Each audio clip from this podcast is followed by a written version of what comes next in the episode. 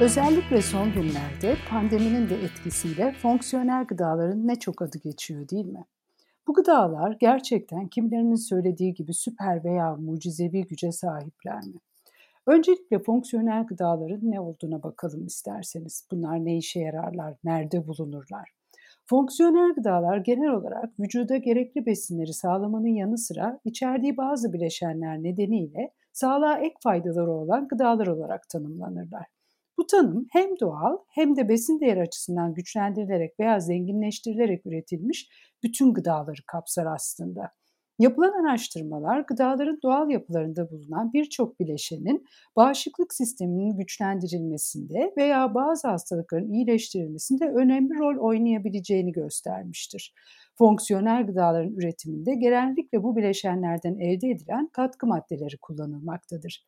Domatesteki likopen, bazı balıklarda yoğun bulunan omega 3 yağ asitleri, yine bazı meyvelerde bulunan flavonlar, soya fasulyesinde bulunan saponinler, bazı sebze ve meyvelerde bulunan beta-karoten ve daha birçok doğal bileşen fonksiyonel gıdaların üretiminde kullanılan doğal katkı maddelerine örnek olarak verilebilir.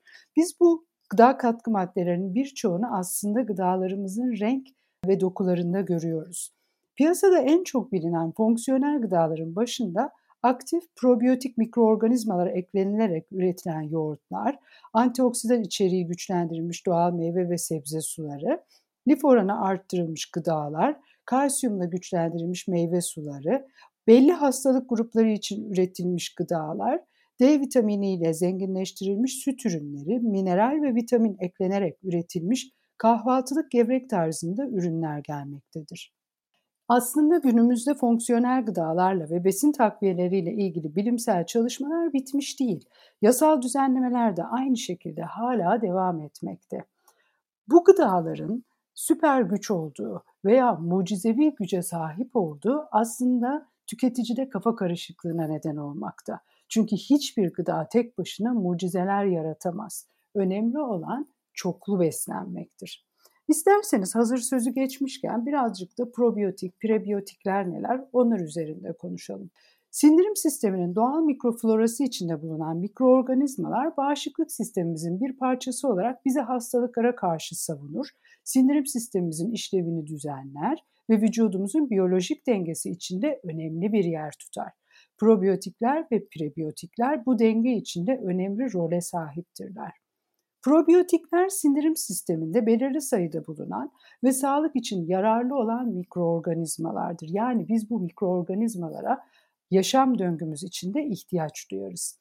Probiyotik gıdalar ise içinde yeterli miktarda canlı probiyotik mikroorganizma bulunduran gıdalardır. En yaygın olarak bilinen probiyotikler süt şekerini yani laktozu laktik aside çeviren laktik asit bakterileridir. Bunlar Lactobacillus ve Bifidobacterium suçlarıdır. Bu bakteriler bağırsaklarda ve birçok fermente süt ürününde doğal olarak bulunur. Geçirdiğimiz bazı hastalıklar, antibiyotik ve alkol kullanımı, stres gibi etkenler bu bakterilerin bağırsaklarda sayıların azalmasına neden olur. Bu da sağlığımızı olumsuz yönde etkiler. Örneğin antibiyotik kullanımı sonucunda oluşan ishalin en büyük nedeni de budur. Vücut zaman içerisinde bozulan bağırsak mikroflorasını tamir edebilir. Günümüzde bu sürecin etkisi probiyotik gıdalarla yapılan takviye ile en aza indirilmektedir. Dışarıdan takviye amaçlı kullanılan probiyotik gıdalarda önemli olan bakterinin hangi suçlarının kullanıldığıdır. Bu konuda oldukça dikkatli olmamız gerekiyor. Prebiyotikler ise bağırsaktaki yararlı mikroorganizmaların üremesini ve aktivitelerini olumlu yönde etkileyen maddelerdir. Probiyotik bileşenler daha çok karbonhidrat grubunda yer alan ve genellikle çözünür lif işlevi gören oligosakkarit veya polisakkaritlerdir. Biz probiyotikleri büyük ölçüde tükettiğimiz gıdalardan alırız. Aynı şekilde prebiyotikleri de günlük tükettiğimiz pırasa, enginar, patlıcan gibi lifli yiyeceklerden alırız. Probiyotik ürünler bağırsaklarda mikrobiyal dengeyi korurken prebiyotik ürünler bağırsak mikroflorasının dengesini ve aktivitesini olumlu yönde etkileyerek bağırsakların düzenli çalışmasını sağlar. Bir ürün hem prebiyotik hem probiyotikse biz bunu simbiyotik olarak adlandırırız. Tekrarlamak isterim. Hiçbir gıda mucizeler yaratmaz. Önemli olan çoklu beslenmektir.